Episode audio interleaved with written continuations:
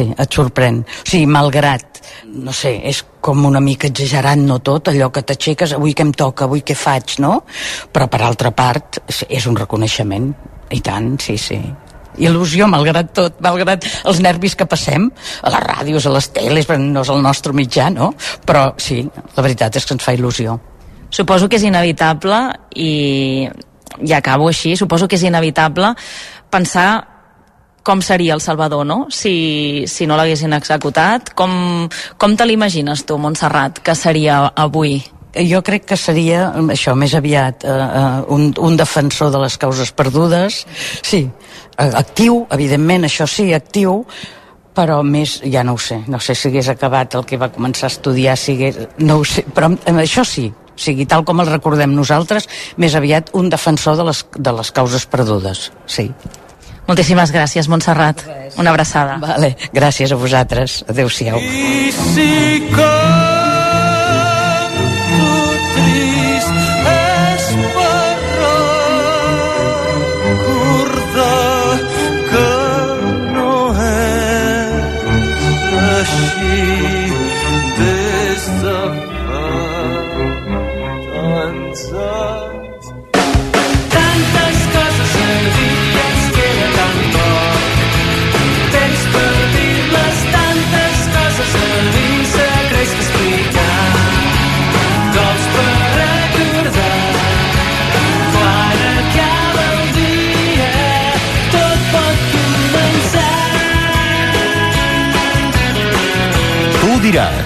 amb Aleix Pariser.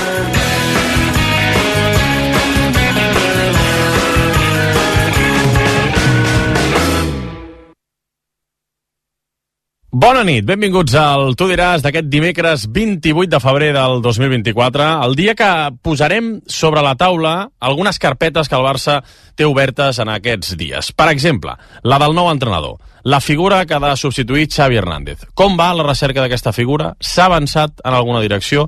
Avui us explicarem el que sabem a rac d'aquesta carpeta. Com també mirarem de posar llum al tema de la samarreta. Què passa amb Nike i el Barça? Hi ha bona sintonia? Fins quan hi ha contracte signat? Es pot trencar? Amb penalització? Sense? Puma és una opció real per vestir el Barça la temporada vinent? o d'aquí a dues temporades, o d'aquí a tres temporades. Crear una marca pròpia, com ha dit el president Joan Laporta, és possible, és realista. Quan s'ha de prendre una decisió definitiva sobre la marca que vesteixi la samarreta del Barça. Ara posarem context i també una mica d'informació a tot això. I també a dues qüestions que ahir vam explicar-vos al Tu diràs. La primera són les converses entre el Barça i l'Ajuntament de Barcelona perquè el Palau Sant Jordi pugui acollir algun partit del Barça de bàsquet aquesta mateixa temporada.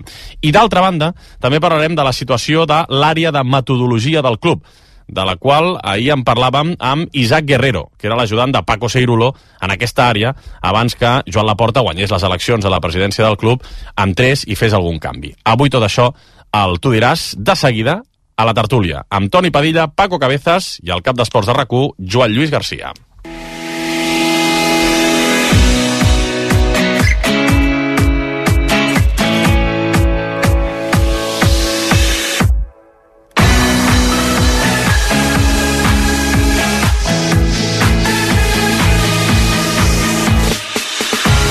El dia en què ha jugat el Nàpols, rival del Barça als vuitens de la Champions. Era un partit pendent de la Lliga italiana. I compta que el Nàpols avui ha golejat i ha agafat moral i confiança. Li ha clavat una tova al Sassuolo per 1 a 6. Ha guanyat 1 a 6 al Nàpols de Calzona, amb un hat-trick d'Ossiment, que comença a entonar-se, dos gols més de Karabskelia i un altre de Rahmani. És una victòria important perquè, atenció, el Nàpols no guanyava a domicili, no guanyava fora de casa un partit des del mes de novembre just ara, quan queden 15 dies perquè visiti l'estadi Olímpic Lluís Companys, perquè arribi aquí a Montjuïc, a Barcelona, el Nàpols li ha donat per guanyar fora de casa i per fer-ho de forma contundent, golejant 1 a 6 al eh, Sassuolo. Eh, tot i això, encara és novè el Nàpols a la Lliga Italiana i encara està lluny de les places que donen accés a la Champions la temporada vinent. Al Nàpols li queda rebre la Juventus aquest diumenge a casa, el Diego Armando Maradona, i d'aquí a 10 dies ha de rebre el Torino, també a casa. Li queden dos partits a casa al Nàpols abans de visitar Montjuïc en aquesta tornada dels vuitens de la Champions del dimarts 12 de març. A Itàlia, per cert, està punt d'acabar-se ara mateix el duel entre l'Inter de Milà i l'Atalanta, que era l'altre partit que quedava pendent per posar eh, la Lliga Italiana al dia. L'Inter, que és líder destacadíssim, està golejant 4-0 l'Atalanta, que és el quart classificat. Ara mateix l'Inter li treu 12 punts a la Juve quan queden 12 jornades. Per tant, mig títol a la butxaca per l'Inter. I a Anglaterra, eh, s'estan completant els vuitens de final de la FA Cup, de la Copa d'Anglaterra. Eh, el Chelsea s'acaba de classificar, ha guanyat 3 a 2 al Leeds United. És a punt a punt de classificar-se el Manchester United, que està guanyant 0-1 al camp del Nottingham Forest. També és a punt de classificar-se el Wolverhampton, està eliminant el Brighton de, de Cherby, d'Ansu Fati, està guanyant el Wolves 1-0 al Brighton al minut 91 i també és a punt de classificar-se el Liverpool, que està guanyant 2-0 al Southampton. Per tant, els quarts de final de la Copa Anglesa, compte, eh? Quedaran amb Chelsea, United, Manchester City, que es va classificar ahir, Liverpool, Newcastle, Wolverhampton, Leicester i Coventry. Bons quarts de final. Encara no hi ha sorteig de quan i com seran aquests emparellaments de quarts de final. I del futbol internacional, avui també destaquem una informació de Ràdio Monte Carlo. Kylian Mbappé hauria dit que no ha signat res amb el Madrid i que tampoc té cap acord tancat amb el conjunt blanc. La informació de Ràdio Monte Carlo eh, és del sopar d'ahir expliquen els companys de RMC que en el sopar d'ahir al Palau de l'Elisi en què també hi eren el president Emmanuel Macron i l'emir de Qatar, Mbappé els va dir que encara no ha signat res amb el Real Madrid. En canvi, avui ha sortit una informació de relevo que diu que Faiza Lamari, la mare de Mbappé, ha arribat a Madrid per acabar de tancar tots els serrells del fitxatge d'Mbappé pel Madrid. La torre continua amb Mbappé, però ho tornaré a dir, fins que no ho vegi signat i publicat oficialment, encara no m'ho creuré.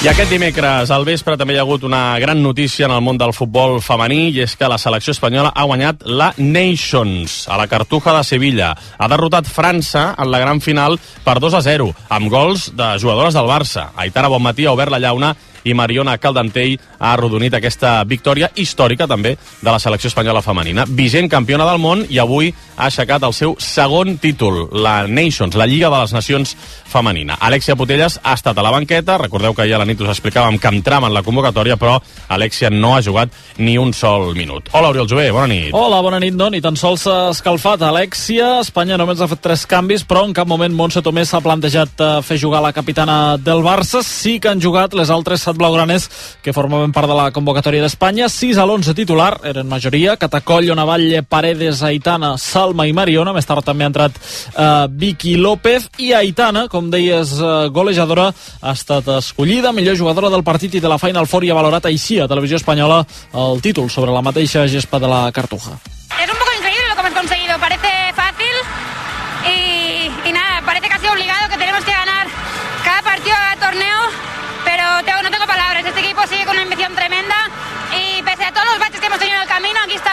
levantando otra copa. És el segon títol internacional de la història de la selecció espanyola femenina i arriba sis mesos després de l'anterior, el Mundial que va quedar esquitxat per tota la polèmica amb Luis eh, Rubiales i un títol, per cert, que ha aixecat Irene Paredes, que al Mundial no ho va poder fer perquè Bilda li va treure la capitania. Avui a la, a la, a la successora de Bilda, precisament, a Montse Tomé, li han preguntat si aquesta Nations d'alguna manera li serveix per guanyar popularitat. La opinión pública no es algo que yo pueda controlar y eh, siempre estuve tranquila.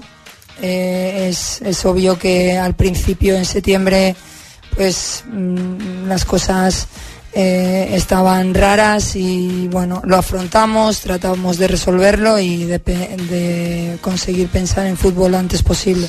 Nit de celebració, per tant, al vestidor de la selecció espanyola, que tornarà demà cap a Madrid, on està previst que celebri el títol a la tarda. Doncs demà estarem pendents d'aquesta celebració. A Sevilla, a la Cartuja, ha estat veient en directe aquest títol de la selecció espanyola femenina la col·laboradora del Tu diràs, periodista del periòdico, Laia Bonals. Hola, Laia, bona nit. Hola, bona nit. Bona nit. Eh, Espanya torna a aixecar un nou títol, hi ha hagut festa grossa i, a més a més, amb rècord d'assistència a les graderies de la Cartuja. Més de 32.000 persones ho han vist en directe, oi? Sí, sí, no, ha sigut una festa i continua la festa ja aquí a la Cartuja. Les jugadores tenen la música molt alta, s'escolta des de totes les bandes de, de la part baixa de l'estadi on estem els periodistes i hi ha molta festa. Eh, tant hi havia la grada, la gent fent la ola, cantant, ballant, feia molt temps que, que a Espanya no, no hi havia un partit així, a més guanyar a casa davant de la seva gent, totes les futbolistes ho han valorat com, com un triomf més a part del, del títol d'avui. Mm, amb molt protagonisme blaugrana i amb aquest gol d'Aitana bon matí, l'altre de Mariona Caldentell, no? segueix brillant el Barça en aquesta selecció espanyola femenina i segueix brillant Aitana. Sí, no, sens dubte. A més, eh, l'hem vist super eufòrica durant el partit, en el moment del gol, corrent per tota la gespa. Eh, és un, és, és una, un exemple més de que aquesta selecció al final s'ha construït gràcies a, a un Barça que fa molt temps que està format. Elles s'entenen, ho fan sense mirar, sense parlar, i això es nota molt la diferència de si no estiguessin totes jugant al Barça. Mm. Totes ho posen molt al valor i Aitana un cop més. Ha estat l'MVP d'aquest partit, ho ha sigut a la final de la Champions, ho va ser al Mundial, és que és, és totalment imparable. Llegia que la selecció espanyola no havia guanyat França, no? Per tant, és un bon test també aquesta victòria Mai. de cara als Jocs Olímpics de París, no? Que també estan classificades.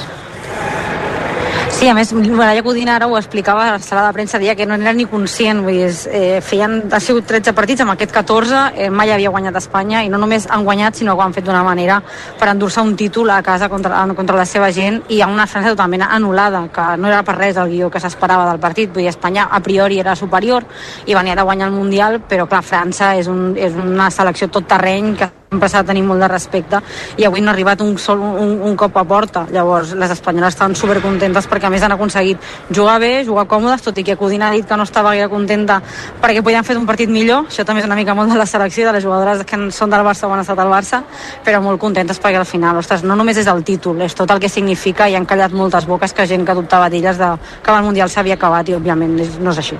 Alexia Putelles també ha estat en, no, en, en boca de tots aquests dies, entrava a la convocatòria s'ha quedat a la, a la banqueta eh, pel que sabem l'únic que volia era gaudir no? també com una més d'aquest títol i formar part no? d'aquesta classificació històrica pels Jocs i poder eh, formar part no? d'aquest equip que ha guanyat la Nations League però no estava previst que jugués i així ha estat no ha jugat, eh? no hi ha hagut polèmica al final Sí, no, ella al final volia estar aquí. Ha sigut uns mesos molt durs també. S'ha de tenir en compte la situació en la que està ara mateix Alexia, d'incertesa dins del Barça, no només a nivell contractual, sinó també a nivell del seu genoll. Ha sigut mesos molt difícils, l'operació, la recuperació.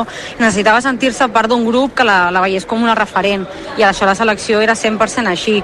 Volia estar aquí, volia estar amb Irene i volia estar amb Jenny, que també han fet un trident des de fa molt temps, que han hagut de superar moltes coses i volien estar les tres. Recordem, al Mundial la foto de les tres va donar la volta al món, va ser una de les que més es van reproduir avui la volien tornar a tenir. Sí que és cert que això ha creat molta tensió al club, perquè òbviament ella no té l'alta mèdica i no hauria estat per jugar, tot i que Tommy ahir sí que va dir que estava 100% disponible, però jo crec que és una bona notícia per tothom que avui Alexia no hagi jugat perquè no s'agreuja la tensió ni a l'estira i arronsa amb el Barça i ella ha pogut estar avui celebrant aquí amb les seves companyes i podrà fer una part de la festa, que és també el que ella necessita a nivell mental. Mm, Se l'ha vist feliç, eh, no? La celebració, quan alçaven la copa, no? Sí, he vist un moment, crec, des de dalt es veia una mica, se les veia tota l'estona buscant-se amb Irene, al moment que ha intentat sacar Irene que sí cau amb la copa, ha sigut una mica dramàtic, està tothom corrent perquè no caigués, perquè a més, clar, Alexia, què fa? Aixecant Irene, tenint en compte el genoll, però s'ho ha passat superbé i totes estaven com boges, a la sala de premsa soltant corrents, totes, vull dir que és, és una festa, és que ha guanyat un títol, sembla fàcil i sembla normal, perquè ens tenen ara acostumats a això, però és que fa sis mesos, abans del Mundial, ningú donava res per elles i ara no paren de guanyar, llavors, ostres, que Alexia més que ha hagut de viure tota la part dura de tot aquest temps, que són les negociacions, haver de donar la cara, haver de gestionar coses polítiques que a ella no, no és el que li agrada fer, doncs també ha sigut com respirar per tot l'equip i per, per Alexia també. Sí, sí. La selecció espanyola femenina de futbol s'està equiparant a la masculina, eh? eh? Té un Mundial, igual que la masculina, té una Nations, igual que la masculina. Li falta guanyar alguna Eurocopa, no? A veure si ho aconsegueix en el futur, a les pròximes edicions, Laia. Sí, i ara tenen entre Silèsia i els Jocs, però a més crec que hi ha un punt extra amb, amb el tema de la selecció femenina en la comparació amb la masculina, que és que la masculina no ha hagut de lluitar durant aquest temps per als seus drets, i elles sí. Clar. I crec que és una cosa que s'ha de tenir en compte, perquè guanyar és molt difícil, però guanyar tenint eh, drames i lius i enfados i crits i, i, i un mal ambient és molt més complicat i s'ha de tenir molt en compte el que han fet aquestes jugadores, perquè se les obliga, entre cometes, a ser campiones i se les obliga també a lluitar pels drets de totes les dones, de les futbolistes i de les que no.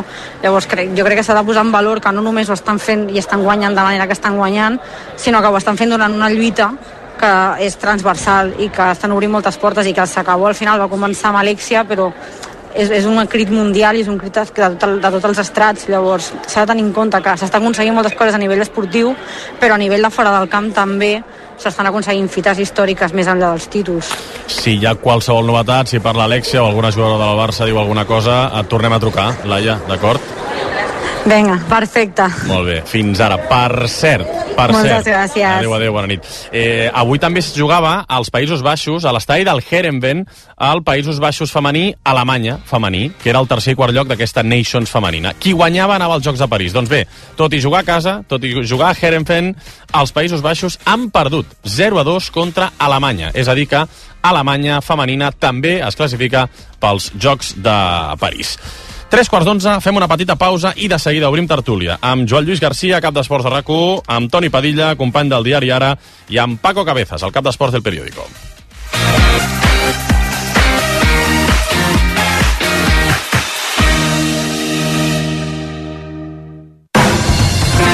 Tu diràs, amb Aleix Parisser. La nova temporada de Fórmula 1 a Dazón ja és aquí.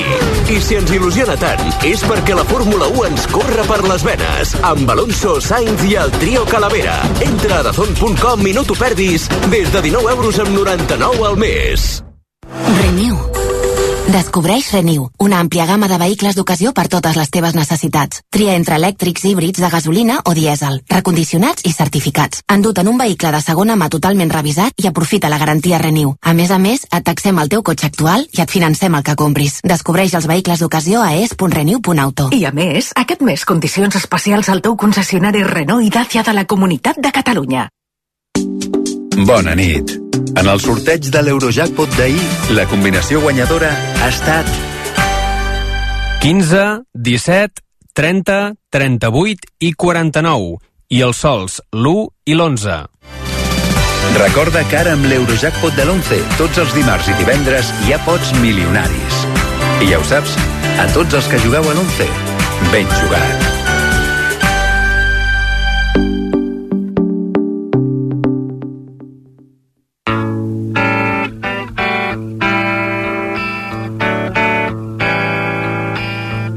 Diràs, amb Aleix Parisser.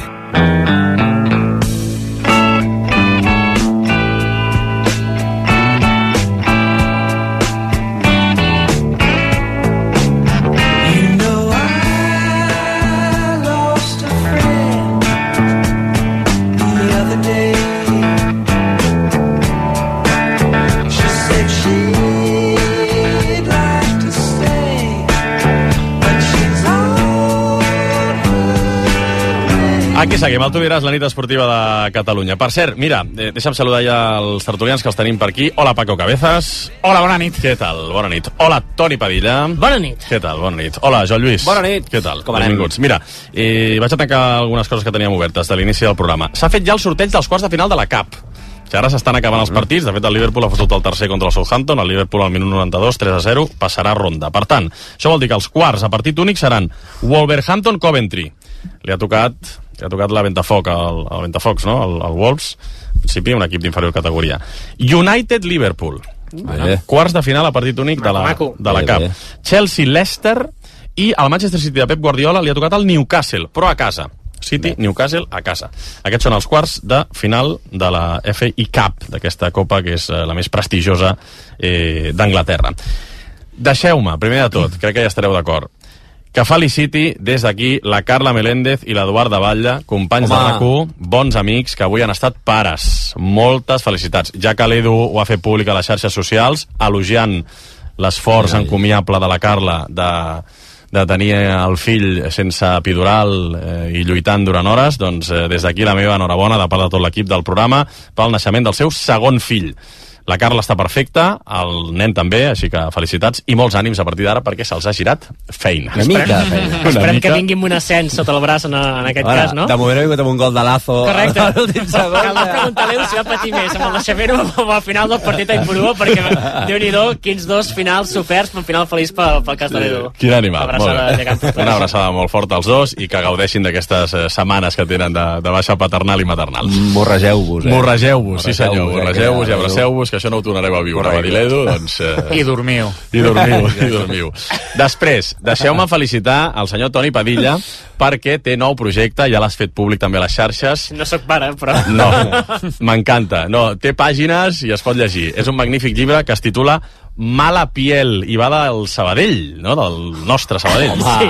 sí, sí sortirà el 25 de març. És, és aquesta col·lecció de llibres que, que fa l'editorial Libros del Cau, que es diu Hooligans Il·lustrados, que tenen l'ocurrència de demanar periodistes o escriptors o, o buscavides que, que expliquin la seva relació amb un club de futbol, no?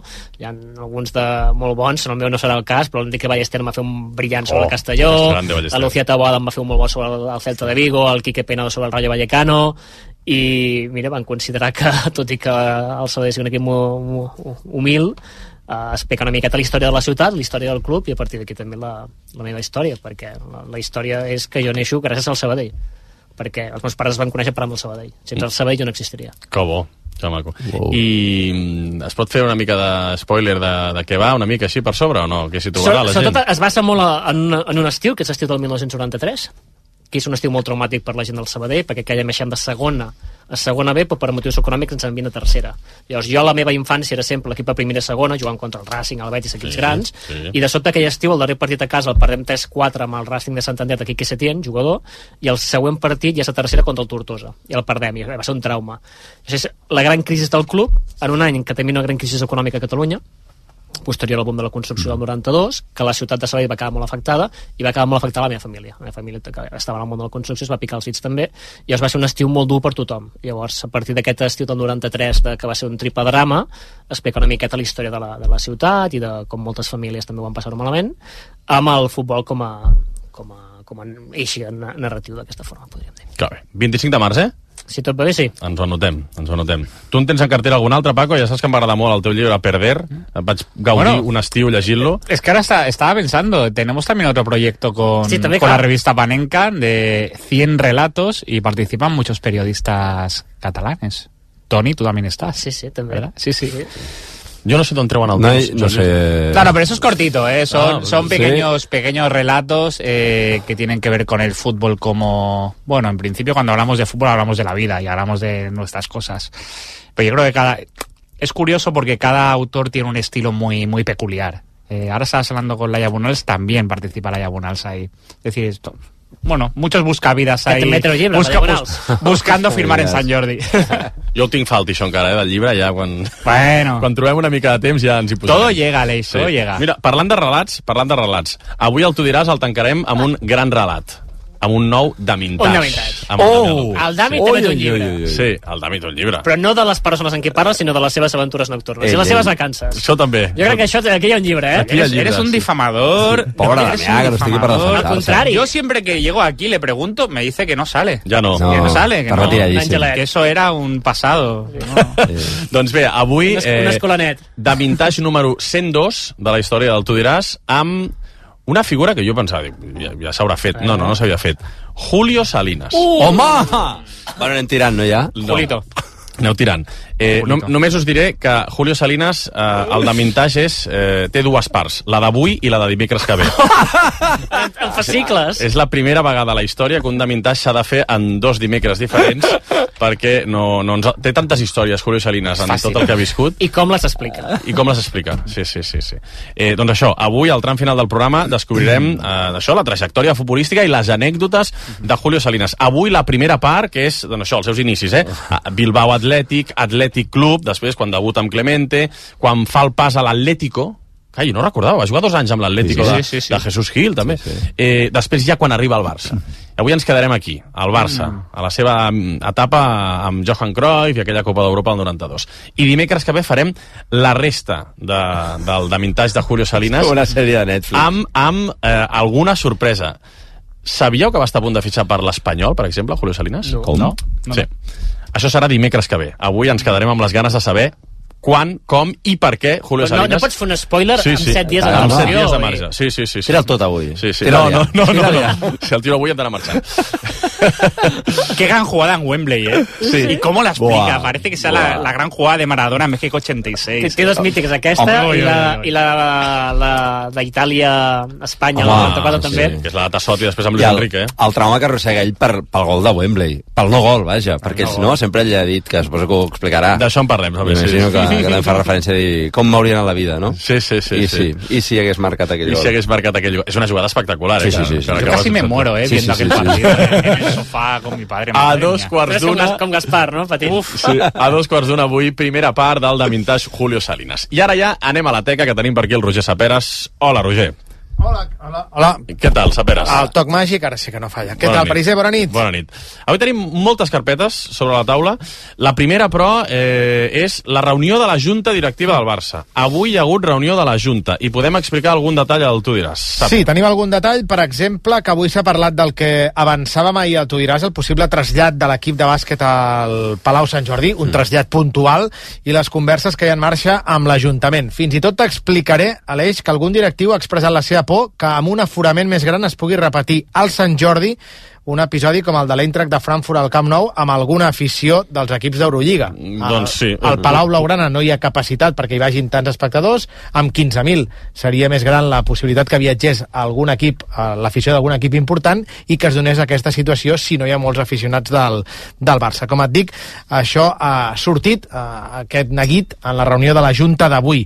Que aquest any eh, hi ha hagut incidents similars, per exemple, a la Fonteta, amb un València Partizan de Belgrat, amb els serbis que van, Van viatjar molt més, Sí, sí, i van sí, haver-hi balls de bessons a les graderies. Per tant, no és un, no és un dubte gratuït, perquè aquest mateix any, amb aficions gregues i sèrbries, s'han produït incidents. Sí, sí. Hi ha aficions que mobilitzen 3-4.000 uh, aficionats a, a l'Eurolliga. Al marge del bàsquet s'ha comentat la situació d'Alexia Putelles amb la selecció espanyola.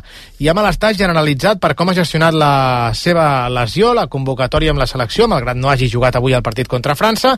De fet, s'ha explicat als directius que la federació, si hagués volgut, hauria pogut donar-li l'alta mèdica i fer-la jugar. Legalment, podia fer-ho la Federació Espanyola. Només hauria faltat això. Sí, per sort per tots no ha estat així. Pel que sabem a RAC1, la mateixa Alexia ha demanat a Montse Tomé en aquest context i pendent de renovar, no ho perdem de vista, no jugar avui. I t'afegeixo, ens diuen que físicament ja està al 100% i que aquesta setmana rebrà l'alta mèdica del Barça. Bona notícia i un cop jugui, ja ho hem explicat també, moment de reprendre les converses sobre el seu futur. I finalment s'ha tocat també en aquesta reunió de la Junta, eh, entre d'altres temes, el de la samarreta. Home. Un dels més llaminers. No hi ha cap decisió presa de manera definitiva, però s'ha informat de quina és la situació ara mateix. Hi ha malestar amb Nike, s'estudia quina és la millor opció, si seguir amb l'empresa americana, trencar i anar amb una altra marca, que en aquest cas seria Puma, o apostar per la marca pròpia de la mà mm, Dummel, com explicava avui també eh, el Gerard Romero a Gigantes. S'han explicat els pros i contres de cada opció. Sobre Nike s'està intentant parlar directament amb els dirigents de la multinacional a Portland, perquè són els que acaben prenent les decisions. A vegades també es parla amb els directius de Nike Europa, vol parlar el Barça directament amb la gent de Portland. De Puma es valora l'oferta econòmica, supera en 20 o 30 milions la de Nike per temporada, l'actual contracte ronda els 80 milions, l'oferta de Puma està al voltant dels 100, un dels obstacles a salvar, què passaria si es trenca amb Nike i qui assumiria una possible indemnització, perquè el Barça voldria que fos un tercer, no voldria assumir la possible penalització jurídica de trencar el contracte actual amb Nike. I finalment de la marca pròpia s'ha comentat que hi ha punts a favor, com per exemple que es podrien aconseguir més diners, més ingressos, però que també s'han de tenir en compte els riscos que són diversos. En tot cas, el més important és que el Barça vol tenir presa una decisió el proper mes de març. Per tant, qüestió de dies, setmanes, a tot estirar un mes que el club resolgui la qüestió de la samarreta. Impecable, eh? Tots els detalls que ens explica el Roger d'aquesta reunió de la Junta Directiva amb molts temes sobre la taula. La qüestió que us explicàvem ahir del Palau Sant Jordi, la possibilitat que aquesta temporada el Barça de bàsquet hi jugui algun partit important, però amb aquest neguit, de què passa si l'afició no respon? D'aquí el qüestionari que va fer ahir el club a molts socis. Estaríeu disposats a pujar al Palau Sant Jordi? Eh, Alexia, jo crec que ell ha fet bé, aquí, perquè si legalment la federació li podia donar l'alta i com diu el Roger, la setmana que ve el Barça li donarà l'alta, vol dir que la jugadora avui podria haver jugat uns minuts, si hagués volgut. I legalment ho podia fer la Federació Espanyola i ho podia fer ella. I la jugadora ha vist que s'estava enredant massa tota la troca i ha preferit no jugar, sí ser a la banqueta i celebrar, com ara ens explicava la companya Laia Bonals. I després aquesta qüestió de Nike. Eh, jo avui he estat parlant amb gent del sector perquè és un tema que se'ns escapa. Bé, som periodistes esportius i hem de tocar tants temes que a vegades no sabem de, de què parlem. Eh, hem vist aquests dies reunions de Nike amb Barça, eh, Puma que està atent, el president Laporta dient aquí al món arracú que no descarten una marca pròpia. Avui Gigantes, al canal de Twitch, ha, ha parlat de la marca Hummel, que és la que vestia Dinamarca, no? Recordo? Sí. Recordo, entre altres. Va. Eh, Hi va haver Sarau perquè Dinamarca volia lluir una samarreta Sí, pel, pel Mundial, no? com a Era? protesta per, Sí, sí, per sí, disputar-se sí, sí. a Qatar. De fet, és històrica, perquè al Mundial 86 ja portava aquesta marca, Dinamarca. Sí, sí, senyor. Bé, jo, jo avui jo començarem pel tema de la samarreta perquè m'agradaria explicar aquestes trucades que hem, que he tingut avui per posar una mica de context de, de com va aquest món, perquè jo el desconeixia una mica i hem de tenir-ho tot al cap per saber què pot passar. Amb aquesta informació que diu el Roger, el Barça ho vol tancar el mes de març, o sigui, queda un mes per tancar aquesta carpeta. Nike havia arribat a pagar al Barça fa uns anys, eh? Entre 80 i 85 milions d'euros fixes, més 20 en variables de royalties. Royalties són les vendes que fa Nike de la primera, la segona i la tercera equipació del, del primer equip masculí. Eh, a partir d'aquí, doncs, un percentatge d'aquestes vendes són els royalties que s'emporta el Barça. Doncs hi havia com a molt, molt, al Barça es podien dur uns 20 milions d'euros també de variables en, en royalties, que per cert eren uns royalties realistes, molt realistes, és a dir, hi ha hagut molts anys que el Barça s'ha acabat enduent gairebé 100 milions d'euros, o superant els 100 milions d'euros per, la, per la samarreta Nike. Eh, després aquí hi ha els bonus, si guanyes títols i Champions i Lligues, mm, cobres una mica més, si no hi ha malus, si no guanyes Champions i Lligues, el Nike no et paga tant per la samarreta. Val? Tot això està inclòs en aquest contracte. Eh, en aquest contracte que es va signar en l'època de Bartomeu, el Barça el que va fer és dir, perfecte, pactem aquest preu, però em quedo eh, la gestió de les botigues i la gestió de la venda de la resta de roba, que no siguin primera samarreta, segona equipació i tercera equipació la resta de roba, que és la resta de material textil, les dessuadores, les gorres, les bufandes oficials i, i la gestió de les botigues. El Barça es va quedar a la Megastore del Camp Nou i d'altres gestiors de botigues eh, amb, amb BLM. Va ser un gran negoci, pel que diuen. O sigui, el Barça va tancar un molt bon acord quedant-se BLM en aquell moment i pactant aquesta xifra amb Nike. Eh, què ha passat? Que la marca Barça, jo crec que tots, tots convindrem que actualment la samarreta del Barça no val el mateix que el 2015. No? No hi ha Messi, no es guanyen Champions des de fa 9 anys, s'ha guanyat una Lliga en els últims 4 anys, per tant, la marca Barça, el que val la samarreta del Barça, s'ha anat devaluant. I això és el que ha passat, que Nike cada any ha anat pagat menys, perquè no guanyes Champions, no guanyes Lligues, es va devaluant el producte, no es venen tantes samarretes, no hi ha tants royalties, i, i això ha anat fent ba- baixar el preu d'aquest contracte que, que es va signar. A mi em diuen que el contracte és fins al 2028 jo no sé si es pot trencar, si hi ha una clàusula al 2026, si no, això ningú m'ho ha sabut aclarir, Mm, que hi ha un pacte a Barça-Nike fins al 2028, això és així. No sé si es pot trencar abans o no es pot trencar abans, ho acabarem de resoldre en els pròxims dies. Que Puma, com diu el Roger, pot arribar als 100 milions, però que Puma no pagarà mai el doble, perquè havia sortit alguna informació, o fins i tot el club havia intentat fer veure que Puma podria doblar el que pagava Nike. No, Nike pagava una pasta rufa que no es paga pràcticament a cap equip del món, i Puma, com ara deia el Roger, com a molt, pot pagar 20-30 milions d'euros més, com a molt. Però, per exemple, Puma, al City, al City, eh, de Guardiola, Puma li està pagant uns 70 milions d'euros per vestir tots els equips del grup City. No al Manchester, no.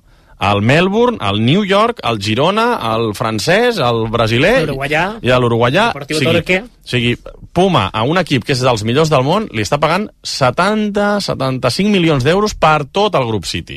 Ja sé que el City no ven tantes samarretes com el Barça, vull dir, si anem a mirar un estudi, evidentment el Barça té molt més cartell arreu del món, i el Madrid també, eh, que no passa el City.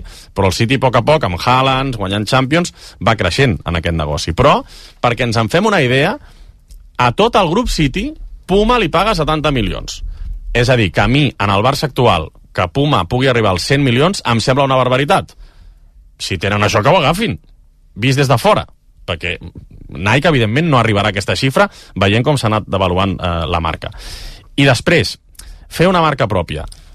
Si jo, amb la gent que he parlat avui, que coneix una mica com funciona això, em deien és pràcticament impossible fer això. És que fer, o sigui, fer una samarreta, dissenyar-la, eh, crear-la, distribuir-la per tot el món amb la marca Barça és molt complicat. molt complicat. I a més fer-ho ara de cop. Això, això, és, això requereix un temps i una logística espectacular. És més, perquè ens en fem una idea dels timings, les samarretes de la temporada que ve, 24-25, ja estan fetes. De tots els clubs. És que si no, no dona temps a distribuir-les arreu del món. Que avui m'explicaven que, per exemple, els, els, els carguers, els vaixells de càrrega, ja no poden passar pel Mar Roig, pel conflicte que hi ha. I han de fer la volta per Àfrica. Clar, això endarrereix uns dos mesos la distribució de, de qualsevol mercaderia, per exemple, les samarretes. És a dir, que ja vas dos mesos tard del que anaves. I, i ara mateix totes les samarretes dels, de tots els clubs del món de la temporada 24-25 ja estan tirades, ja estan distribuïdes, pràcticament. És més, em deien que el desembre d'aquest any, o sigui, d'aquí a 8 mesos, ja ha d'estar pràcticament feta la samarreta de la 25-26. O sigui, va anar un any i mig vista, aquestes coses. Jo, jo ho suposo com a context perquè entenguem que és molt difícil fer de cop i volta un canvi de marca o crear una marca pròpia. A partir d'aquí ja veurem què passa, perquè com diu el Roger, queden tres setmanes, un mes perquè el Barça prengui una decisió. Tot plegat fa la sensació que el Barça vol més pasta, que Nike creu que ara mateix no li dona tant rendiment la samarreta del Barça i que s'han de posar d'acord. I pel mig hi ha Puma allà esperant, a veure què passa. No sé, com ho veieu? Aquest és el context. No, home, jo mm, per totes les xifres que ha posat sobre la taula i que estan molt bé perquè realment posen tot el context que, que jo crec que encara ens faltava saber perquè totes aquestes xifres que havien sortit, aquests 200 milions d'euros de Puma que, que vaja, que ja feien sospitar una miqueta o, per mi aquesta votat que és la de, la de fer-te tu mateix la, la marca, crear-te tu mateix que és que ho trobo absurd perquè, perquè no, es crea, no, no, no és dissenyar una samarreta i dir, ah, mira, la samarreta serà així, no, no, no, és crear una identitat de marca, és, és, és projectar una marca global i en un, en un camp en el qual tu no tens experiència per més que puguis tirar d'una marca ja existent, no? Doncs, eh, amb totes aquestes xifres que, que poseu sobre la taula, home, xoca la posició del Barça. Eh, jo entenc que vol rascar més diners, però també a, a cost de, de malmetre la teva imatge amb les, amb les marques globals i amb les marques més importants del món perquè mm, tu has deixat amb el cul en l'aire Nike, que és un dels teus primers principals partners que has tingut des de l'any 98, que hi gent que ha abocat molts diners. Eh, no és per defensar jo aquesta marca, però és veritat que, ostres, Barça, el Barça s'ha aprofitat molt, i també la marca, hauria estat una història d'èxit. Llavors m'estranya que ho vulguis eh, acabar d'aquesta mala manera, correcuita, improvisant solucions com pot ser la marca pròpia, és a dir, que tu treballessis per fer-ho d'aquí dos, tres anys, o d'aquí quatre, o quan acabi el contracte, que és el 2028, perquè quan es va anunciar, eh, en principi s'acaba el 2028, eh, puc entendre que tu treballes en un futur, però com, pa, com per trencar la relació a mig, a mig contracte, i crec també que el senyal que envies a, a la gent que et posa pasta al club, doncs no és de ser un club molt presentable.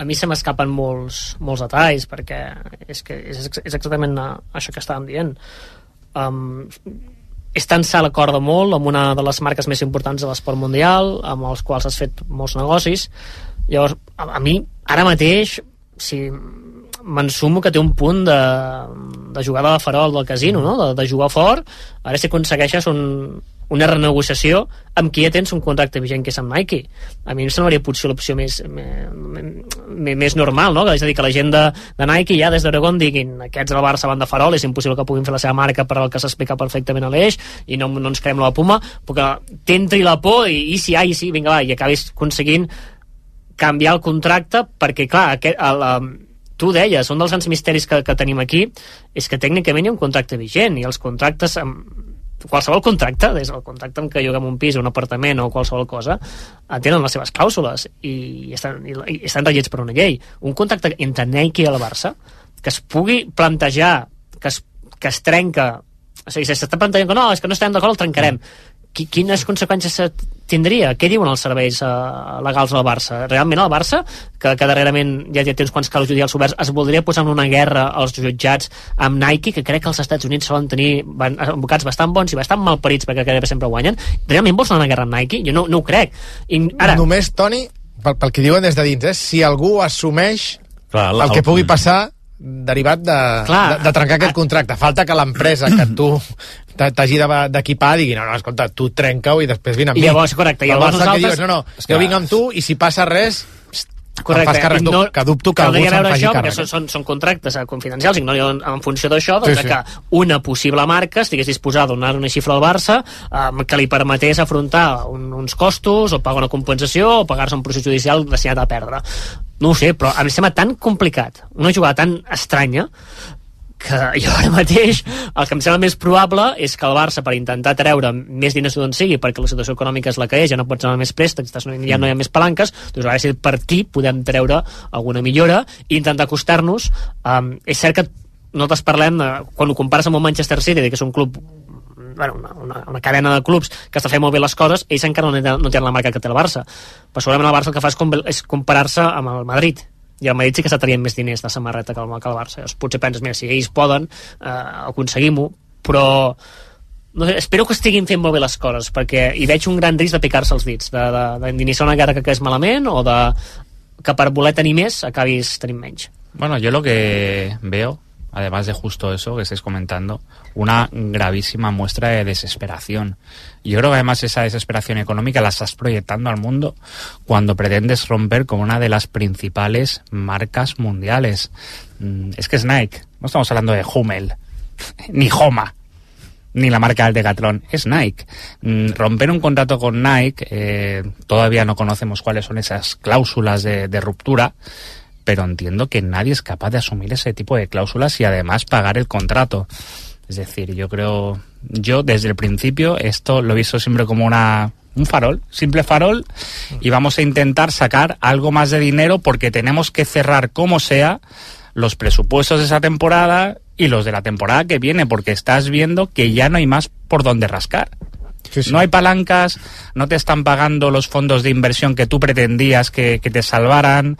eh, no sabemos todavía si el, el próximo verano mm, el Barça va a estar en el fair play, si va siquiera a poder contratar eh, nuevos jugadores, si va a poder inscribir a algunos que no estarán inscritos eh, el próximo verano, como Vitor Roque. Es decir, tienes muchísimos eh, huecos por llenar económicos pero eso lo vas a conseguir haciendo enfadar a una marca como Nike, que evidentemente yo creo que este tema le está doliendo mucho. Mm, a mí me cuesta pensar ahora muchísimo que Nike esté dispuesto a renegociar a la baja, el contra a, la, a la alta, el contrato. Es muy difícil, a- sobre todo a las malas, porque el Barça en este caso está yendo a las malas contra ellos. És que Però tot bueno. això el Barça jo crec que només ho podria fer en un context que realment tingués una marca alternativa que li posés 200 milions d'euros sobre la taula. Dius, home, si tu tens una marca alternativa que et posa 200 quilos, parlem-ne. Si veus, mm, el benefici és molt elevat comparat amb el cost que, que t'implica doncs, potser a nivell reputacional o, o de multa eventual, no? Però clar, és que estem parlant que és pràcticament per la mateixa, per una miqueta més de calés, no estem parlant d'una que es dobli la xifra.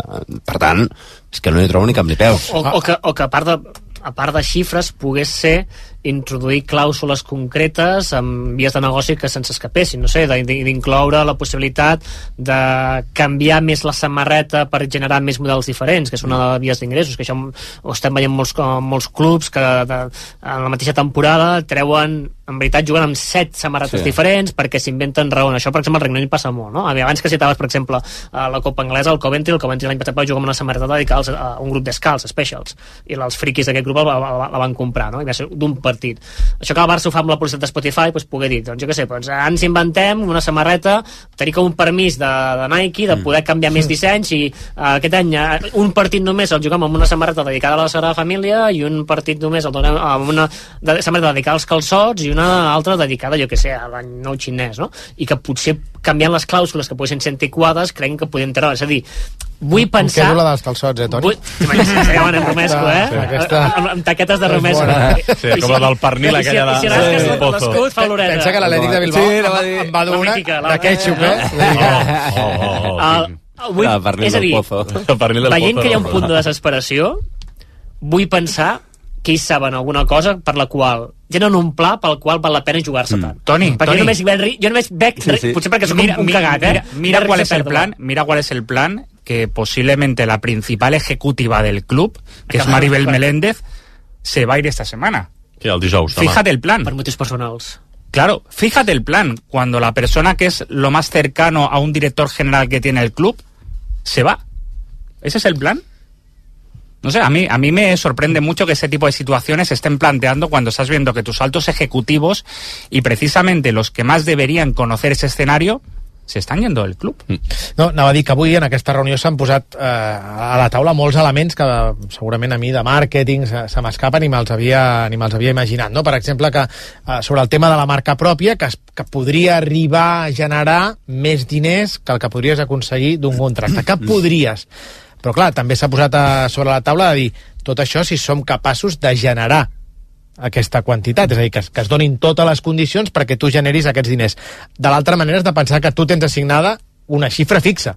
Després Nike vendrà o no, però tu ja has cobrat. De l'altra manera, tu estàs produint la samarreta, Però has de fer fer tot, has de fer tot l'esforç, pots arribar a guanyar més, però també pots arribar a guanyar menys. I després també un altre tema que ha aparegut, com és eh, el que estàveu parlant de la, de la potència d'estar associat a una marca com Nike, no? La, el concepte, m'han dit, del co-branding, que jo no el coneixia. Mm. És a dir, molta gent es compra la samarreta del Barça perquè és samarreta Nike Clar. més Barça. Sí. És a dir, les dues coses. Si tu fas la marca Barça, bé, hi haurà qui és molt del Barça i li agradarà i se la voldrà comprar, però potser hi ha algú que és molt fan també de Nike que diu, ah, però aquesta ja no és Nike, aquesta ja no m'agrada, em compro la d'un altre equip de futbol que, que sigui Nike. És a dir, són detalls que a mi realment se m'escapen, que jo no, no, no Com coneixia. el PSG amb Jordan, per Però que- exemple, no? exacte, miqueta, ah, exacte. Aquestes associacions Imagina't l'any que va tenir el. PSG, no? que era Messi amb la marca Jordan, és a dir, jo crec que es donaven molts factors, com perquè un personalment se, se l'hagués comprat, no?, la de, la de Leo Messi, però dir que ja a- a- es tenen en compte tot això. És a dir, no és només la samarreta, el que corre, sinó... No, no, és que hi haurà el tio que vol la samarreta Nike i que li agrada que sigui Nike més Barça. Si desapareix Nike, potser no m'interessa el Barça. Imagina't la de, la de factors que hi ha a l'hora de, de prendre una decisió com aquesta. Insistim que en les pròximes setmanes el club vol prendre una decisió definitiva. Si arreglar les coses amb Nike i continuar amb, amb Nike, si acceptar aquesta proposta de 20-30 milions més mm, de Puma, o si fer una marca pròpia, potser amb Hummel, com avui I, perdoneu, eh? El calendari quin és? Per la temporada que ve o per aquí dues temporades? Perquè si és per la temporada que ve... mm, No, anem tard, anem tard. Ja, La- la- la- la veig sama- cosint samarretes a... La samareta de la temporada que ve ha d'estar ja Eh, feta. és que- Vull dir, això és, ara mateix seria anar a contracorrent eh, ràpidament i, i, i, i fer, complicar encara molt més la, les coses. Eh, ara estava veient, per exemple, Hummel, clar, té les Palmes, eh, Southampton, vull dir que és, és una marca que està creixent, eh? Betis, no? El Tenerife, el Betis, té el Coventry, Coventry Ah, City. El Tenerife, un club germà. Sí, Eh. té el, té el Werder Bremen, té el Köln, té l'Everton i té la selecció nacional de Dinamarca. És una marca que, que està creixent, que està creixent. Va vestir el Sabadell fa uns anys, recordo, per exemple, aquella, aquella, aquella samarreta. De fet, aquella època... Tots hem pensat aquella- el mateix. Eh, sí, sí, aquella ja època el, presi, el propietari del club era la persona que tenia els drets de Hummels a Espanya. Imagina't si vam estar vinculats. Quina casualitat. No va acabar gaire bé. Al final no. Uh, sí, amb el senyor Raguant per allà al mig, bé, no va, no va acabar gaire bé. Eh, però ja en parlarem un altre dia, en privat, si vols, quan surti el teu llibre, eh, Mala piel. Eh... Acabes de citar un dels accionistes de la Meiva. Ah, sí? Ja. També? Sí, sí, el nou Meiva, un dels accionistes és Antoni Reguant. Imagina't. Bé, aquesta és la situació de la samarreta. Abans de parlar del futur a la banqueta del Barça, d'aquesta trobada que hi ha hagut avui, hi ha imatges també, que el canal de Twitch Gigantes ha, ha, ha ensenyat dels agents, entre d'altres futbolistes, d'Erling Haaland, amb Deco a Barcelona. Abans d'això, la, la informació que ahir explicàvem aquí a, a rac i que volem aprofundir-hi una mica més, que és que el Barça i l'Ajuntament estan parlant per estudiar si és viable que l'equip de bàsquet jugui algun partit important al Sant Jordi aquesta mateixa temporada. Deies ara que se n'ha parlat a la Junta. Hi ha algun detall més que puguem explicar avui, Roger? Ahir el que explicàvem és que les dues parts ja estan interessades, el Barça per obtenir més ingressos i l'Ajuntament per promocionar la candidatura de Barcelona per organitzar la Final Four del 2025, opció ara mateix complicada amb l'aparició de Dubai i els 75 milions que han ofert per organitzar les tres properes finals. En la línia del que explicàvem ahir al Todiràs, el regidor d'Esports, David Escudé, avui a la presentació de la Volta Ciclista a Catalunya, ha explicat que no es tornaran bojos per aconseguir organitzar aquesta Final Four del 2025. Nosaltres no entrem a subhastes. Si ve algun país que multiplica per no sé quant el tema econòmic, doncs escolta'm, eh, nosaltres no entrarem en una licitació de l'Eurolliga. Les converses estan obertes, com sempre ho han estat, i, i encara no hi ha cap decisió presa. Recordem que Dubai pagaria 25 milions per final. L'actual preu de mercat, també ho explicàvem ahir, ronda els 3 milions. Per tant, seria una, Una autèntica bogeria intentar competir amb una proposta com aquesta. Més enllà d'això, més detalls que podem explicar d'aquest possible trasllat puntual, insistim, al Palau Sant Jordi, que l'enquesta s'ha fet arribar a tots els socis, no només als abonats del Palau. El motiu és que ara mateix hi ha més demanda que aforament en molts partits del Palau, especialment no cal dir-ho en els importants, i el Barça vol saber quants socis estaríem disposats a anar a Montjuïc amb més localitats disponibles. El club també creuen que l'efecte Riqui es notarà i que farà créixer aquesta demanda. És un dels motius que han portat també a plantejar-se aquesta possibilitat. El Barça vol conèixer aquesta xifra de socis interessats en el bàsquet pensant també en l'aforament del nou Palau Blaugrana, saber quants socis estaran interessats en tenir una localitat allà.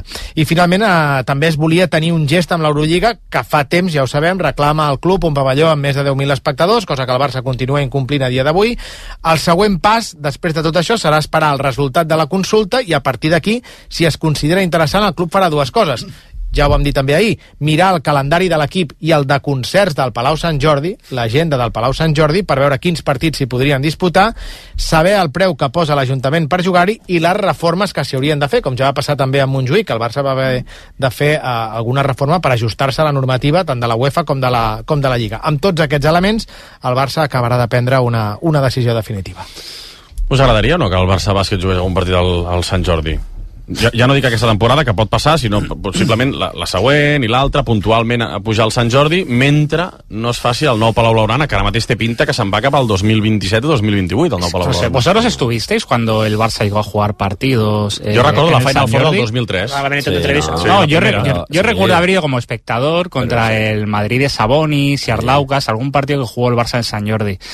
Mm, yo recuerdo frío.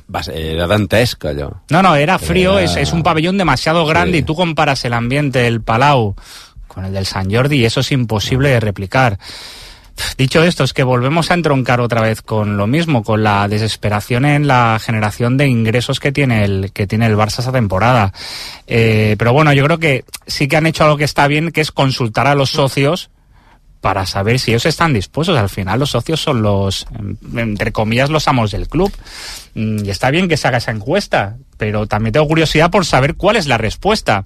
Sí que es verdad que estaba hablando antes con... No, no li trec mèrit a això, Paco, perquè evidentment el té em sembla bé que el club ho faci, però crec que el club es veu obligat també a això perquè tu no pots prendre la decisió d'anar-te'n al Sant Jordi Sí, sí, que t'hi vagin 2.000 És que, persones. és que pots No, no, picar- és muy pots- arriesgado. pots picar A- molt a- els a, dits. a nivell d'imatge i Sí, a nivell sí. econòmic, de dir, a veure si encara perdré els aficionats que tenim. Bueno, sabes que tiene que ser partidos muy concretos, Sí, sí, o sí. contra el Real Madrid, o... Aquesta és la No, intenció. no, nadie se imagina un partido de Liga ACB No pots, en no el pots. San Jordi, es imposible. Alguno puntual de Euroliga, pero evidentemente una constante no, porque allí te encontrarías un solar. El, clar, és que no, no és que agradi o no agradi, és que estic convençut que ho veurem per, per imperatiu legal, perquè en algun moment és el, un dels elefants que està a la sala, el Palau Blaugrana, que és, que és meravellós, té una acústica increïble, però, però s'ha fet bé i, i s'ha de renovar, i tal i com ara estan veient les grues eh, refent el Camp Nou, el, el Palau Blaugrana ens haurem d'acomiadar com ens hem acomiadat del Ministadi. Llavors, en aquest impàs, eh, la lògica és que, que, que molts partits es veien al, al Sant Jordi. El dubte també és, en aquest impàs, partits, doncs no sé, amb tot amb respectes, contra el Palencia o contra l'Obradoiro, un dimarts d'aquests que fa fred, uh, on els jugaries si el Palau estigués en, obres això vull dir, clar, no, no, no sé si realment es podia fer un calendari de poder jugar al Palau Blaugrana fins que n'inaugurés el nou, no ho imagino per tant estic convençut que potser eh, hi ha un punt de destí de, de, de pujar també al Sant Jordi i passar fred com deia el Paco, no? un exili si veiem alguns partits perquè no ve cap altra alternativa perquè el Palau d'Esports al carrer Lleida està fent miques perquè tampoc no, òbviament no aniràs a jugar a Badalona eh, quines alternatives tens? No, d'instal·lacions. Potser n'hi ha alguna, no. no. Ara mateix el calendari d'aquesta temporada, 7 d'abril, Barça-Madrid de, d'ACB. Jo- jo parlava en el- en el futur d'aquí uns en dos el futur, ja. Però és que de partits grans aquesta temporada queda això i els quarts de final de l'Eurolliga. El que tenen és El això playoff- playoff de i un playoff. Un playoff de l'Eurolliga. Clar. O I no, de de Lliga, Ah, o d'ACB. Sí, unes finals contra Sí. el Madrid Ah, val, sí. o, o unes semifinals contra la Penya com les que vam veure fa, fa poc Va, no és que, sentit és que que vindria molta gent de sí, Badalona per fer caixa també pot servir, evidentment, perquè triplicaràs la- la- l'aforament de, de Palau Blaugrana actualment. Però és veritat també que és el Palau Sant Jordi, jo recordo aquella temporada que deia el Paco, O, o temporada, o més d'una temporada, que allò era fredíssim, és a dir, perquè realment era molt dur, el dia a dia és molt dur. Perfecte, quan ve el Madrid i omples i fots 15.000 persones és espectacular, però poca cosa més eh, ompliràs. I, Jo recordo i fa molt llarg. haver anat a veure Fred Roberts, jugador que venia de Milwaukee Bucks, Roberts. Freddy Roberts i Tony Massenburg, que va ser després Sí. company també de Pau Gasol a l'NBA. Home, que era aquella temporada, Mike no? Jones, Sí, sí, sí. Mike Sí. Jones també. Sí, va que no tant. americans. Corey Crowder. Res, ¿Recordes de res, Corey res, Crowder? Però, però mé- més proper hi ha el Barça-Lakers aquell, no? Sí, però ja era exhibició, Però allò va ser brutal, allò, per exemple. Clar, és a dir, a veure... No, i l'ambient del, del, del Clar. 2003 amb Clar, Barça brutal. És a dir, tu si brutal. omples el Sant Jordi, home, eh, el Palau té la seva mística, la seva acústica i el que vulguis, però estem multiplicant per 3. I si l'omples i tens 15.000 tios allò cridant, home, és, és un espectacle molt guapo. El problema és omplir-lo. Que l'ompliràs eh, Ara, per puntualment. qüestions personals, si fos només qüestions personals, a mi, jo no tocaria mai al Palau. Ja, però... Ja, ja, ja ho sé, ja ho sé. Comença a cosa ser vell, eh? Sí, Comença sí, a ser sí. vell. Comença Vull dir, a per, jo sóc de cosa mística. La de- normativa de l'Eurolliga, no? I- Pregunta-li al Dami. Sí, no, no el tocaria mai. Ah, per això. Jo estic amb. Si es, pu si es pogués trobar la forma Si de fer les, les eh, mínimes modificacions per passar el tall però mantenir-lo similar, eh, no hi ha tants recintes esportius que tinguin màgia una personalitat, un... I... És que ara tots tendeixen a, a la Ah, són tot uniformització. iguals. És com el que passa ara amb el camp del Rayo Vallecano, que la gent diu, oh, Sí. sí, està molt bé, però aquell camp és l'hòstia, és que és mític, és diferent, ja sé que no compleix cap estàndard, però si el pots millorar, i a més està arrelat una, a un lloc, hosti, si el Palau es pogués salvar, Però el nou Palau potser es pot millorar i pot mantenir una acústica i ser més gran i més i, no, nou. i, sí, quan passi anirem i ens agradarà i oblidarem el del passat, ho entenc, eh? Però ara, Ja. Hòstia, els que hem, els que hem crescut al Palau Blaugrana... I si es pogués posar el molt mític, parquet eh? marró Sí, fos... sí, sí, sí, claríssim, A mi, a- claríssim. a- Aquell dels 80, o, o, a com, mi o com m'agradava han més. fet a Belgrat, que ja sé que és diferent, que, que, que tenen un pollo de l'hòstia, però de tant en tant encara juguen al Pionir. Saps? No sé, no, no, Allò és, Ah, una allò que hi vaig, hi vaig anar-hi És mític. anys. És mític, eh, amb aquella paret que cau I verticalment. no l'han tirat. No l'han tirat, no, no. Eh, Patrimoni, patrimoni material de la cultura o- sèrbia. Obradovic no vol marxar d'allà, per exemple. Eh, fem una pausa, 5 minuts per dos quarts de 12. Hem posat ja sobre la taula informació interessant avui i rellevant de com era la Junta Directiva del Barça. Hem parlat d'aquestes dues qüestions obertes, la de la samarreta, que s'ha de resoldre com a molt tard d'aquí un mes, això vol fer el club, i aquesta informació que ahir us explicàvem de les converses Barça-Ajuntament per jugar algun partit al Palau Sant Jordi. I ara parlarem de l'altra gran qüestió, d'aquesta que ens agrada tant xerrar, el futbol, Xavi, el Barça, masculí, el seu relleu a la banqueta. RAC1 Ei, que avisa no és traïdor. Si estàs escoltant aquest anunci d'en Peus, millor que seguis. Aquest mes, si compres una SAC 125 i contractes Onda Plus, tens 5 anys de garantia, Onda Mapi, immatriculació i assegurança tercers el primer any, gratis. Informa't d'aquesta promoció i de la nova Onda SAC 125 a la xarxa oficial de concessionaris Onda de la província de Barcelona. Necessites comprar-te un cotxe? Vine a Mundiauto, disposem de més de 600 vehicles a preus excepcionals. Més de 120.000 persones ja han adquirit un vehicle a Mundiauto. Ara et toca a tu. Mundiauto, al centre comercial de l'automòbil al Prat de Llobregat. Mundiauto.com Ja tens un nou concessionari oficial Jeep a l'Hospitalet de Llobregat i a Molins de Rei. Dimo Auto, molt a prop de tot i de tots. Dimo Auto t'ofereix àmplies instal·lacions on podràs veure, conèixer i provar tots els models Jeep. Dimo Auto, el teu nou concessionari oficial Jeep a l'Hospitalet i Molins. Dimoauto.com. Molt a prop de tot i de tots. Escolta, descarrega, comparteix. Perquè tot el que passa a RAC1, continguts, imatges, xarxes socials, passa per RAC1.cat, el portal de notícies de RAC1.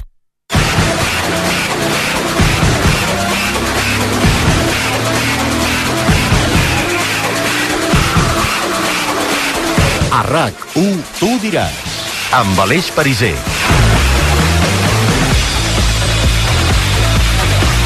3 i 2 quarts de 12. Aquí seguim amb Paco Cabezas, Toni Padilla, Joan Lluís Garcia i també amb tota la informació del Barça amb el Roger Saperes. Us recordo que demà aquest estudi estarà ple d'oients. Demà és l'últim dijous del mes de febrer, home, 29 de febrer.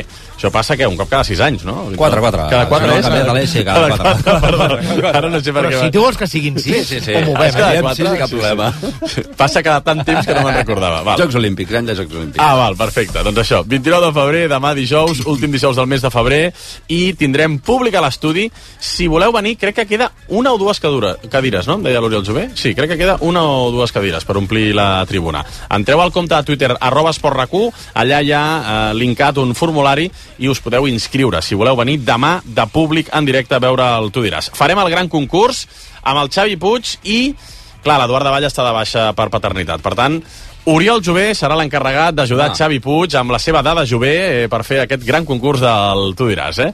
Oh, el finalista... tremolin, eh? Sí, a més a més, els premis són xulos per demà pels dos oients, perquè els portarem al Superbikes Barcelona Motor Fest, que es farà a finals de març al circuit de Barcelona-Catalunya. Els dies 22, 23 i 24 de març tindrem la festa de les Superbikes al circuit de Barcelona-Catalunya. Pel finalista demà del gran concurs, una entrada doble pel dissabte 23 de març per gaudir de les Superbikes i també dels concerts que hi haurà al circuit de Catarres i Buós. I a més a més la sessió del Món DJ. I pel guanyador del gran concurs del Tu diràs, demà s'emportarà un abonament doble pels 3 dies de competició amb accés al paddock, al food market, als concerts i també amb una Grid Pass. És un accés super exclusiu a la graella de sortida de la cursa de Supersports eh, en la qual es podrà fer fotos amb els pilots, passejar-se per la recta de sortida mentre els equips i els pilots van preparant eh, les motos. És la gran festa del motor, arriba a casa nostra els dies 22, 23 i 24 de març al circuit de Barcelona-Catalunya. No us ho perdeu. Tota la informació, si voleu anar-hi, a motorfestbcn.com.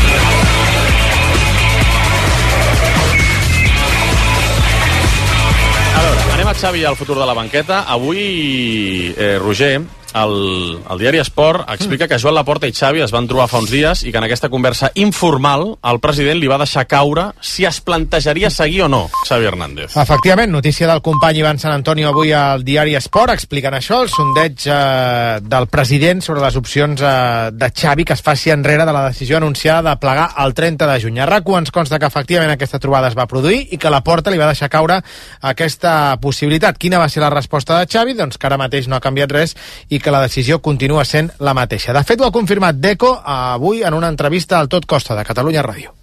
y si algo cambia, no, no, no, no diría que no podemos plantear, porque primero no tenemos nada contra Xavi, no estamos ni, no hemos sido el club ni dirección deportiva que ha tomado ninguna decisión, no planteamos porque esta posibilidad de, no, no hay, No, no, entonces es que hablar de algo que, toda, que, no, que de momento no existe. Ahora, si esta posibilidad pasa a existir y discutiremos en el momento. Y cuando yo eh, digo que no eh, estamos hablando del entrenador, es que no estamos tomando ninguna decisión sobre el entrenador porque creo que es pronto porque hay mucha cosa por delante. Dit això, hi ha alguna possibilitat que Xavi canvi d'opinió? A dia d'avui et diria per la informació que tenim que les opcions són mínimes per no dir nules. Hi ha un 99,99999% d'opcions que compleixi amb el que va dir i marxi a final de temporada. La pregunta que et faràs, evidentment, Sí, és veure. i aquest 0,0001 què és? Què hauria de passar perquè Xavi fes marxa enrere? Deixa'm fer-te la pregunta. Què hauria de passar perquè es produís aquest 0,00001 Faré d'opcions allò de dir, Xavi... m'alegro que em facis aquesta pregunta. Doncs que hi hagués capacitat econòmica eh, suficient per fer un salt de qualitat important en l'equip, en el projecte. Si no és així, que difícilment sabem que, que serà així veient la delicada situació econòmica del club, Xavi farà el que va dir. Per què? Doncs perquè entén que amb pocs retocs la situació de l'equip serà la mateixa, el sostre esportiu també, i per tant entén que seguiria rebent la mateixa pressió de la premsa que l'ha portat a dimitir. Per tant, a dia d'avui descartem un canvi de guió si no hi hagués aquest gir de 180 graus en clau esportiva i econòmica. Xavi va dir que plegaria i a dia d'avui manté aquesta decisió de marxar un cop acabi la temporada, si és que tot esportivament ha anat prou bé perquè, perquè pugui ser així. Mm, Val, perfecte. Això és el que sabem a rac i el que expliquem. Ara que parles dels, dels seus desitjos, eh, Roger, està bé recordar el pla que tenia Xavi a l'estiu. Sí, Xavi entenia que per fer també el que comentàvem, eh, un salt important i competir de debò a Champions, eh, calien determinats reforços. Eh, la seva llista, la seva carta als Reis, eren Cancelo, Zubimendi o Kimmich com a pivot, Gundogan, Bernardo Silva i Leo Messi. Aquesta era, com et dic, la llista de peticions, la carta als Reis que va fer eh, Xavi a Joan Laporta. D'aquestes peticions sabem que van arribar Cancelo i Gundogan. Per aquest motiu, el tècnic entén que l'equip d'alguna manera eh, està coix i dels que no van arribar lamenta especialment que no ho fes Bernardo Silva, pel tipus de futbolista que és i per tot el que podia portar al mig del camp del, del Barça. Tant és així que Xavi, atenció a això que explicarà el Roger, Xavi, en el seu moment, a l'estiu, quan es planificava la plantilla, va pensar en algun pla B per tenir un jugador que pogués controlar els partits. És a dir, un, un Xavi, entre cometes. El que ell era Sí. com a futbolista, ell va pensar, no?, un Xavi, perquè ens entenguem. I un pla B que s'ajustés també a les necessitats econòmiques del club, perquè ja hem dit que no va poder portar al qui era el seu desig, com era Bernardo Silva. Per això va pensar en noms com Dani Parejo, el Aquest va sortir a la premsa en algun Villarreal, moment, sí, sí. o Santi Cazorla, Ja no fotis. actual jugador de l'Oviedo, amb qui va coincidir a Qatar. Tots dos jugadors que li encanten, però que finalment es van descartar per ser massa veterans. Marxava Busquets perquè ja tenia una edat, eh, Parejo i Cazorla tenien la mateixa edat eh, o més eh, que Sergio Busquets. Xavi també va pensar en dos noms més, dos jugadors també han passat blaugrana. Un d'ells, Tiago Alcántara. En el seu cas, les constants lesions que ha patit darrerament van frenar aquest interès. I també, compta amb aquesta, va pensar en repescar un altre ex del Barça, Artur Melo, actual jugador de la Fiorentina. A Xavi li agradava molt el seu perfil, però algunes veus del vestidor li van desaconsellar per la, diguem-ho així, agitada vida privada que tenia el brasiler quan era a Barcelona, però són dos noms que a Xavi li agradaven i que es va plantejar, el de Thiago Alcántara i el d'Artur Melo. I en els darrers dies de mercat encara et diré que es van oferir al Barça dos ex també, en aquest cas dos davanters més. Un, Alexis Sánchez, I el Tocopillano. el Tocopillano, el jugadorazo, i un altre que no entenc per què no es va fer, perquè em té el cor robat i el tindrà fins que tingui 150 anys. Pedro, Pedrito Pedro, un altre que va parlar amb Xavi sobre la possibilitat de poder venir al Barça. El xilè, Alexis Sánchez, no disgustava a Xavi, però finalment, eh, per qualitat, per edat, eh, per, Per, per Mendes, per Mendes, es va optar per la figura de Joao Félix. Recordem que tota la inversió que va fer el Barça van ser els 3 milions per Oriol Romeu. Eh, Això és una mica, això ja, ja són, és una carpeta ja passada i estripada que hem recuperat de la paperera. Eh? Però de és com- una carpeta surrealista, És, eh? sur, és surrealista, Bona, bona. però, però és perquè entengueu una mica el, la idea de futbol que tenia Xavi al cap, el que va acabar passant i el que, com deia el Roger, ell considera que llavors ha repercutit en crítiques, en què l'equip no ha jugat potser com ell volia perquè faltaven algunes peces capdals, tot i que ho ha intentat, i això ha generat crítiques, crítiques, crítiques, crítiques. D'aquí que, com deia el Roger, no canviarà la seva opinió si el club no capgira radicalment la situació econòmica, aconsegueix fitxar jugadors que siguin perfectes per l'estil de joc que vol Xavi i, per tant, ell pot fer una, una plantilla molt més competitiva, perquè si no considera que tornarà a sortir malament ara mateix, i per tant tornarà a rebre crítiques, i és No. el que no vol Xavi, ho ha passat malament Xavi. Está bien ser, ser ambicioso, pero vamos, hay muchos nombres de esa carpeta, es que Santi Cazorla tiene 39 años. Era una opció Del pasado realista per la- per l'economia del club. Pedrito, que estoy con Sape, a mí me encantaba. Eh, No, aquests claro, dos caros, el el- el Pedro, el de Pedro Pedro tiene son- 36. son ells que s'ofereixen, eh, No, pero per son, Xavi. son íntimos amigos de Xavi, o sea que al Ah, final, sí, sí. eh, eh, ¿qué, qué, qué priorizamos, el fútbol o la amistad? Però Paco, Paco, queda't amb la primera, amb la primera llista. Eh, allò, No, la Ricardo llista A, Silva, eh? no? Sí. Cancelo, Zubimendi, Kimmich, Gundogan, Bernardo Bé, Silva, Kimmich- Messi. Kimmich perdó, perdó. Zubimendi, eh, seria? Zubimendi Sí, sí, sí. o Kimmich, Gundogan, Bernardo Silva i Messi. Hauríem jugat diferent, potser. Home, però vull dir, també és aquesta la portera Núñez. A veure, mm, són fitxatges que, que no són realistes mm, per al Barça de, de, la- de l'estiu passat. Mm, I la prova Bé. és que, que no han arribat. Sí, no, no, sí, sí, dir, No, anava a dir que estàs parlant segurament d'uns 100 milions, no? D'inversió, clar, 50 que- per Zubimendi que no tenies. i, 50, i No. 60, pues, bueno, sí, Sí. 50, 60, més per Bernardo 60 per... i Cancelo, Gundogan i Messi que venien... És una tocada de pes a terra. Jo entenc que tu has de demanar, eh? Comença cap a dalt i a partir d'aquí tu, Sí, tu sí. Sí, fent. sí, sí. És a dir, em sembla bé dir jo vull aquests, i que llavors la realitat et digui no pot ser. El que no puc entendre és el discurs una mica de posterior, de com de contínuament anar plorant perquè no va passar. És a dir, l'entendria si Xavi fos l'entrenador del Barça en un context econòmic normal, fes aquesta llista no li portessin. És a dir, que si no hi hagués hagut la pandèmia, no hi hagués hagut el, els darrers anys de, ma- de mandat de Bartomeu i el Barça no tingués deutes, es podia emprenyar. Però sabent quina és la situació, contínuament anar-se queixant, em sembla una mica... Ja saps quina és la realitat. O, jo diria que Xavi també té la sensació que també se li exigeix com si no hi hagués aquesta situació. No. Però, ¿Pero de qué dir, equipo cogió Xavi? ¿Qué No, no, equipo no, no. cogió Xavi? Jo- ¿Qué jo equipo dic la sensació. Però un moment. La sensació que té ell però, què, ahir. però què diu ell? Què, què ha dit ell? Començament d'una nova era. Guanyarem títols en plural. Sí, sí. Uh, ell és el, el que sempre dit que jugaran millor. Hosti, si tant tu com el president has estat prometent l'inici d'una nova era, guanyar títols en plural, que ho han dit els dos, i que jugaria millor, la gent espera exactament això. Si tu no vols que la gent et jutgés per això, sigues prudent amb el teu discurs, perquè estic convençut que la major part de la massa social barcelonista, després d'una de, de, de, pandèmia i del mandat terrible de Bartomeu, haurien entès un discurs més prudent, de dir, intent, intent, només que diguis, amb un condicional, intentarem guanyar el, el tot perquè som el Barça, però recordem que és un context diferent, però ho Passa intentarem... que es barregen, Toni, tantes Crec- coses perquè això... Home, això... si ells estan dient Sí, sí, sí. fins fa poc Jo guanyarem tu, eh? títols en plural, que, que el problema, la gent ho esperarà. Que, que el problema segurament ha estat canviar a mig camí el discurs quan tu has dit guanyarem títols i, i després no, dius estem en construcció o estem en construcció o anem a, a guanyar títols. És que els barregen en funció de, de, de, de, del no, que no, toca. però no, no tu, eh? Dic, dic que, que, que hi ha un creuament entre eh, tots els missatges que ha arribat a enviar al club, perquè també hi ha el de estem en construcció, però perdre té conseqüències.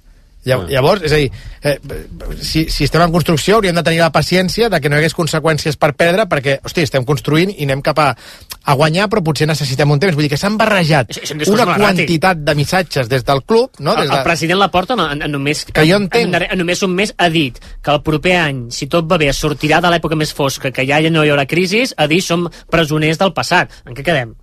Sí, sí, sí. Som presoners del passat o, o, o, ja, o ja l'estem sortint, no? És que jo tinc la sensació que ell va pitjar l'accelerador de la il·lusió tan bon punt arriba i, i no l'ha pogut frenar en cap moment. És a dir, sí, sí. la- I el club Bueno, va a una no, altra eh. velocitat que el seu discurs. Pero hay una cosa importante también, que estabas comentando antes, que parece que la prensa sea el demonio. Pero a mí me cuesta encontrar un entrenador que haya recibido mejor trato por parte de la prensa como Xavi. Ell considera Me que cuesta no. muchísimo. Ell considera que no, i ho ha fet públic, Mm. i ho ha expressat. Ell considera que està maltractat. Me parece premsa. perfecto lo que considere. Otra cosa Sí, es lo que, lo que Sí, yo sí, pienso. no, no, y yo, y yo, y y pienso que la prensa a Xavi lo ha tratado muy bien. Muy bien, sobre todo desde cuando llegó. La gente lo recibió con muchísima amb ilusión. Valverde, Luis Enrique. Por favor. no es, que vamos a volver atrás. ¿Cómo se ha tratado? El propio Luis Enrique. ¿Y Luis Valverde? Enrique te ganó una Champions.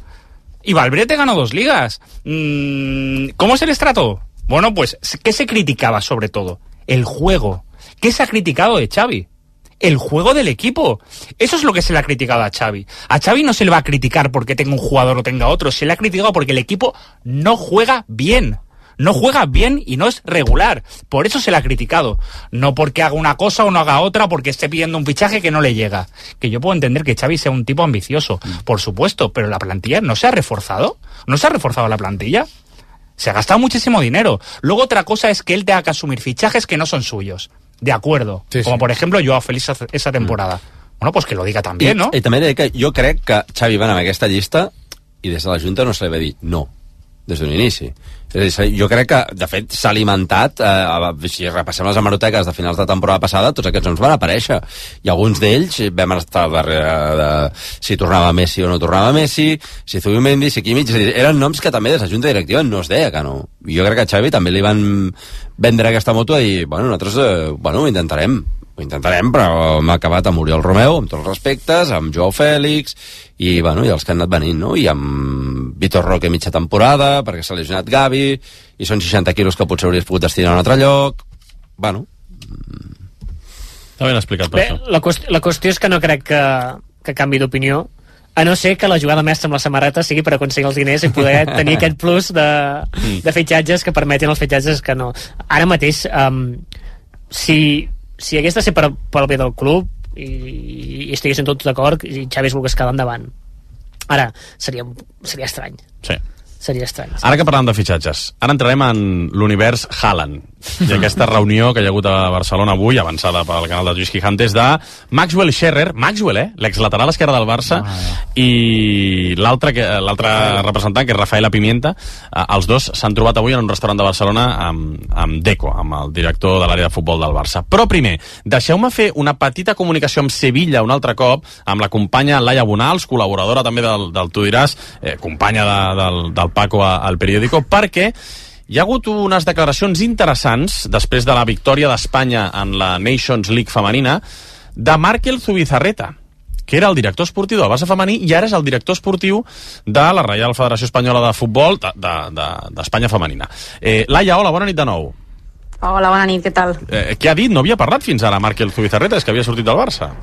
No, és la primera eh, compareixença que fa després de, de marxar del Barça i d'entrar a la direcció esportiva de la selecció. De fet, ha sigut el primer en sortir a la zona mixta, cosa que ens ha, ens ha sobtat una mica a tots, perquè tots sabem que Markel no és una persona que, que acostumi a parlar amb la premsa, i ha volgut fer una mica d'èmfasi sobretot en el paper d'Alexia i de les capitanes, um, perquè ha sigut important que totes elles haguessin estat un altre cop a la selecció i perquè era important que Alexia avui um, i aquesta concentració anés amb la selecció. De fet, ha dit que Alexia marxa millor del que va arribar, per tant això ja ens dona una mica de, de, de saber per on van els trets i de com ha sigut una mica la concentració i el motiu pel qual Alexia ha tornat i ha estat bastant contundent també amb, amb, amb la importància d'aquest títol per l'esport femení per la lluita que han tingut. Ha recordat quan ell va estar a Oliva, quan ell encara no era directiu de la, de la federació sinó que encara estava al Barça i ha volgut també remarcar que tot el creixement que s'ha fet i tota la cohesió que s'ha fet entre staff i, jugadors ha sigut molt complicat i que s'ha de posar en valor tenint en compte tot el que s'ha acabat aconseguint. Doncs mira, anem a escoltar Markel Zubizarreta. Obviamente Alex es una persona muy importante en este grupo. Eh, es una de las capitanas. Creo que ha hecho un proceso de recuperación mm, modélico en el sentido de que cada día ha mejorado. Eh, creo que se va al Barça mejor de lo, que, de lo que llegó. Creo que nos ha ayudado mucho a nivel de vestuario, creo que nos ha ayudado mucho pues, siendo esa líder. Nos hubiese encantado poder contar con ella, pero bueno, eh, al fin y al cabo no era el momento.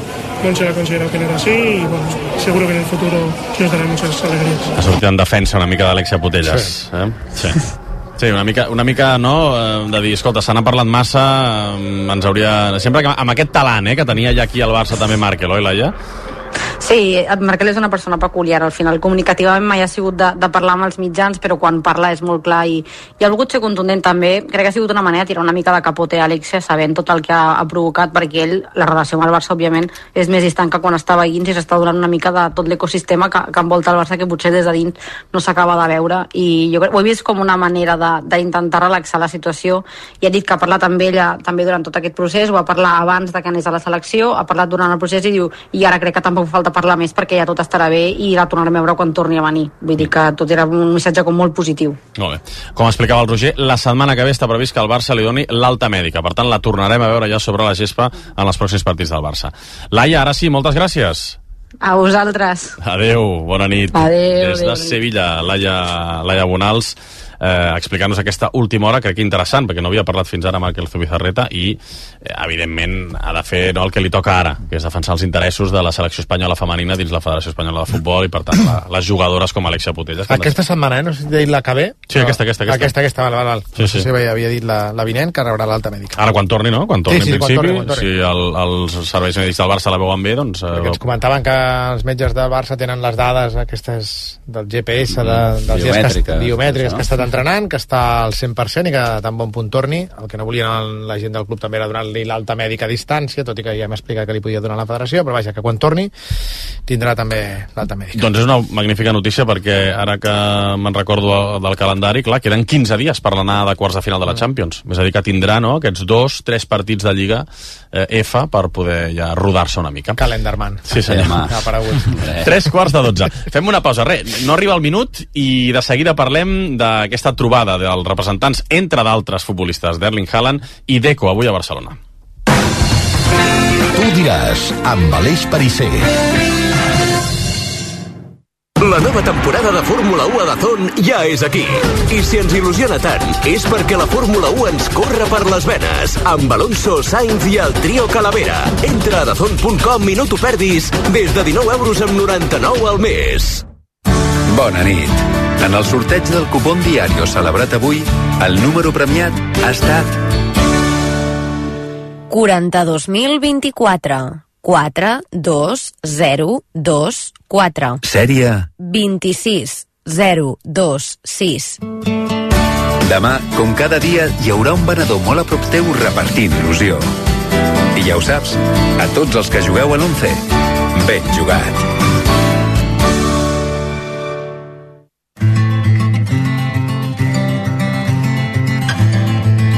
Tu diràs, amb Aleix Parisser.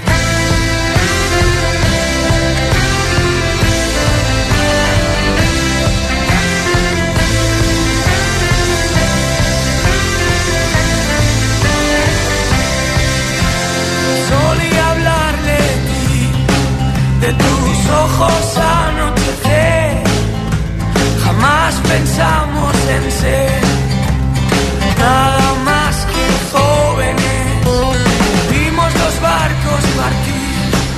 Ja sabeu que rac ha presentat la tercera edició dels Premis DRAC. Són els guardons que reconeixen aquells que han fet millor la nostra societat en l'últim any. Es premiaran iniciatives, idees, projectes i persones en diferents categories, com per exemple contribució al benestar, històries amb ànima, projecte cultural, innovació sostenible, trajectòria, eh, premi a la revelació de l'any també i premi a la veu de l'any.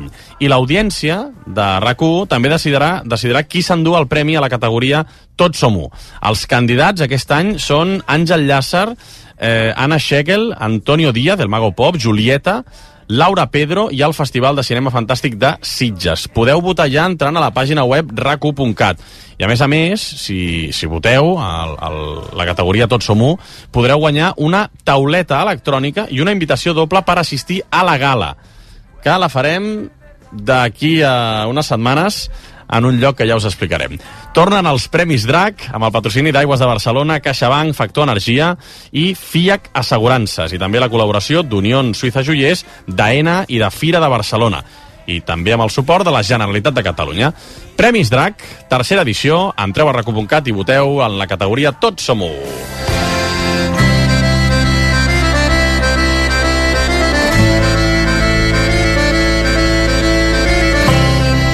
Avui eh, hi ha hagut aquesta trobada, però mira, mm, entre la representant Rafaela Pimienta i el representant Maxwell Scherrer amb Deco, a Barcelona. L'exlateral del Barça, eh? Sí, sí, Maxwell, eh? Maxwell. Aquest va donar bon rendiment, aquest tio. Sí. Per allà. Sí, sí. Sí. Us, ho dic perquè... Bueno, venia com... bueno. Venia també. d'amic d'Ibrahimovic, no? Sí. Venia a la torna d'Ibrahimovic, no? Allà on anava, va anar a l'Inter, va anar a l'Ajax, va anar PSG? al PSG Sí. i al Barça, van anar junts en paquet. Bé. No dic que fos ell un paquet, eh?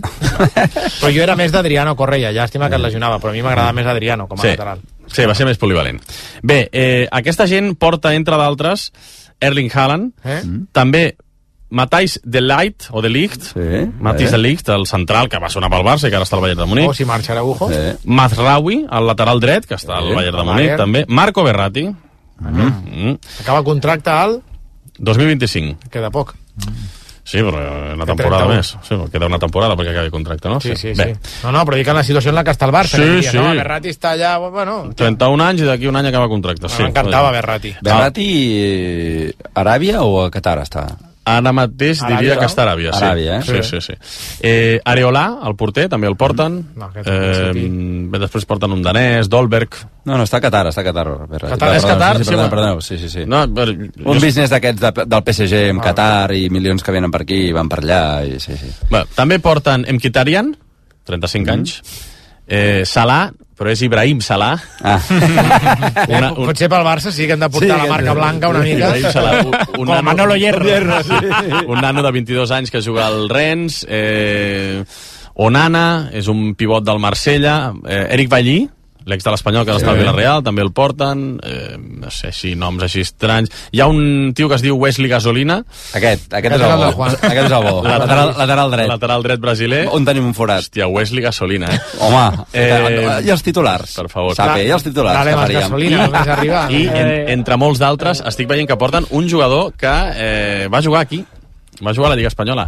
Vladimir Weiss, aquell de l'Espanyol. Oh, Recordeu que és sí, eslovac? eslovac, sí, sí, sí. sí. Doncs també el porten, entre altres. Vols dir que és una opció? L'home que va jugar al Mundial amb, els, amb Eslovàquia, quan el seu seleccionador Vladimir Weiss, el seu pare. És veritat? Eren tres generacions de Vladimir Weiss als tres internacionals. I ara és I era el net. Calzona, el seleccionador eslovac, que és el del Nàpols, rivals del Barça, que avui, per ser el Nàpols, ja ha fotut Sí, una 6 al sí, Sassuolo sí, amb sí, hat-trick sí. d'Ossimen, eh? Riurem, eh? Ui, que ja està ja... Sa, sa, no, no. T'imagines? S'han No, entomat no, una mica. passa, és com l'any passat amb el Manchester United, una miqueta, eh? Passa que, que- el vam enganxar al trambó. He vist que diumenge hi ha un Nàpols-Juve que espero que els posin de A peus a terra un altre cop, no? Que facin ja està jugar. punxant, eh, darrerament. La segona divisió. Bé, eh, trobada, ho explica Gigantes, diu que s'ha posat sobre la taula el nom de Haaland, però clar, és que, i que a la porta li agrada molt Haaland. Ja ho sabem, que a la porta i a mi m'agrada molt Haaland, i a Xavi, si pogués, li agrada molt Haaland, però no estem inflant el globus eh, Sí, sí. d'una cosa que és impossible ara mateix econòmicament de fer, d'una operació. Tornem a estar en el que estàvem parlant, Exactament. no? No? És exactament el que ha pagat el Barça aquestes dues últimes temporades. Saps que m'agrada molt a mi? La, les, les cases modernistes del segle XIX amb de quatre plantes, aquestes que a Ah, vegades sí? hi ha... M'agradaria tenir-ne una. N'has anat a mirar alguna o no, allò, des de fora? Des de fora ja... T'han enxampat? Mira, una Intentat casa saltar d'aquestes? una reixa algun cop, m'han detingut. També, vale, de veritat, ara farem volar coloms. No, no, no, no. Jo per això, per això ho he dit ja amb, amb, amb, amb, el que estem explicant, que és la realitat del Barça. El Barça necessita trobar 40 milions de l'Ibero, més 60 milions de la palanca, que són 100, més vendre algun futbolista, més quadrar els pressupostos d'aquesta temporada que s'han desviat perquè el ticketing no va bé a Montjuïc. Vull dir, suma-hi tot això i després imagina't si pots fitxar algú. I que estem de ronda, no? És a dir, la setmana passada eren, crec, els representants d'Alfonso Davis, aquesta setmana els de Mbappé Haaland... també va... Mbappé, Mbappé estava a Barcelona de Pinis, vacances. Pinisavi també rondava per... Vull dir, és època d'aparellament, una miqueta, Sí, eh? És sí, època sí, de... De la brama. De, de, de, de la brama. Com com, els coloms de plaça Catalunya, no? Que, que se s'inflen i van... Sí, sí, sí. Deixes que t'expliqui una batalleta de Haaland ara que estem amb això? Sí? No, Mira. avui, avui estàs finet, Sí, eh, amb avui, les batalletes. sí, M'agraden portem, molt, eh? Abuelo cebolletes estem avui. no, no, són bones. Març del 2022. Recordes que va transcendir també que el va, Xavi es va desplaçar a Munic perquè estava Haaland recuperant-se d'una lesió allà, van viatjar Xavi i Jordi Cruyff a reunir-se amb, amb Haaland. Això és abans d'anar al City. Sí, sí, sí. Sí, això va sortir, ho han reconegut. Això, això, sí, sí, sí, ho han reconegut. Això és públic que, que van allà Sí, sí. i van...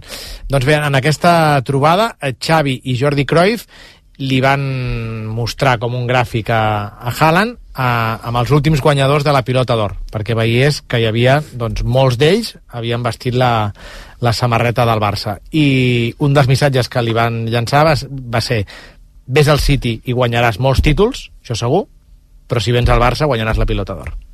Allà, per molts títols, si els guanyes, serà De Bruyne o un altre jugador, serà difícil que guanyis tu. Al Barça tens moltes opcions de guanyar la pilota d'or. Eh, diuen que, bueno, que el missatge... Hòstia, el va deixar... L'ego dels Pensatiu. futbolistes. No? Dir, L'ego dels futbolistes, eh? Com, però- com, com pots aconseguir arribar a tocar l'ego, eh? que evidentment el City també va afluixar la mosca, va pagar una comissió forta a ell, Sí, sí, el sí. pare, el, el desenllaç ja el coneixem, però que un dels arguments que li van posar sobre la taula, més li van mostrar com un gràfic de mira, quants eh, dels últims guanyadors de la pilota d'or han vestit la samarreta del Barça, si vens aquí tens moltes opcions de, de ser pilota d'or. Home, algun dia, si el City continua guanyant i jugant tan bé, no?, i, i fent-se tan visible en el món del futbol mundial, algun dia segurament Haaland, si continua fent gols, doncs pot guanyar una pilota d'or. Però és cert que la marca Barça i Madrid, i Madrid, i sí. Madrid Sí. és molt potent, no?, en aquests premis, últimament. Bueno, veremos Mbappé. Home. Y además Ya. francés. eh, Sí, sí, pero es que ese argumento yo creo que tiene muchísimo sentido. Porque al final las marcas Barça, Madrid, son las que acaban pesando muchísimo. Mm, el último balón de oro que gana Messi, yo creo que también todavía arrastra un poco, más allá de Argentina, Sí, sí. arrastra todavía la marca Barça. Eh, y el City, a pesar de que pueda ganar la Champions como la ganó la temporada pasada, pueda ganar Premiers y demás, tú cuando te vas a, a Asia o te vas a otro continente, casi siempre te hablan del Barça y del Madrid. No ves a la gente con la camiseta del City. Por mucho que distribuyan. Es otra cosa, es, que otro rollo. És el que deia l'Eix, també, per, per la dimensió de la samarreta. Sí. És un exemple Sí, més. les tres més potents és Barça, Madrid i Manchester United, Sí, que United. encara tenen la tirada d'haver estat el primer club que va, que va impactar fora del mercat asiàtic i encara ven més que Manchester City. Manchester United, i que, port, que ho van fer tan bé que porten una dècada fent pena i segueixen sent econòmicament i a nivell de marca una bogeria i, i és cert que quan viatges per exemple per Àsia si trobes un club anglès del qual la gent parla és sobretot el Manchester United Va, Vols que et digui, ara que em dius això, és que m'he recordat d'una d'aquestes converses que tenia avui amb gent del, del sector de, de venda de samarretes. La samarreta que més es va vendre l'any passat és la del Liverpool, a tot el món. no, Liverpool.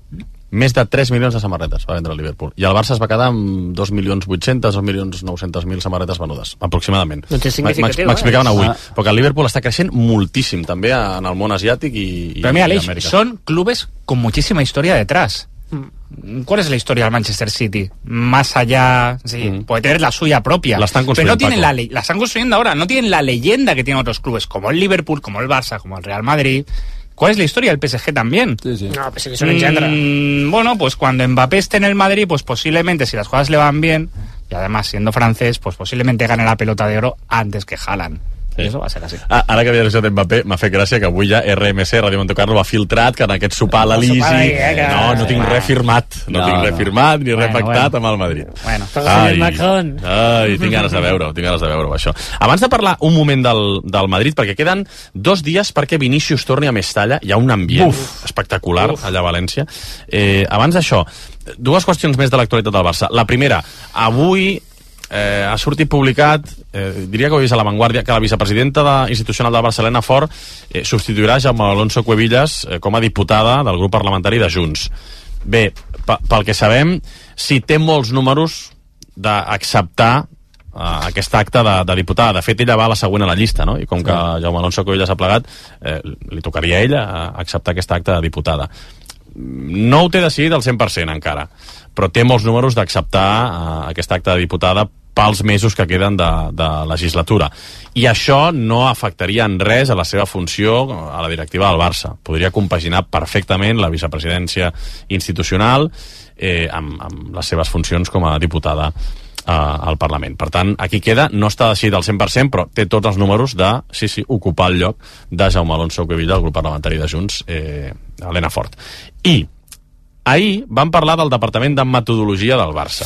Roger. Sí, amb l'Isaac Guerrero, que va ser adjunt a Paco Seirulo, que va ser-ne el cap fins al 2022, quan el club va decidir prescindir dels seus serveis. Ell també va deixar el club per anar al Venècia, ens ho va estar explicant ahir, i lamentava que des de llavors aquest departament hagi caigut en l'oblit. em sap greu perquè justament, eh, no sé, és com si al bulli, al, al bulli no, no sé, no, no hi ha cuina, no? Eh, no, no, això no, no, no puc entendre.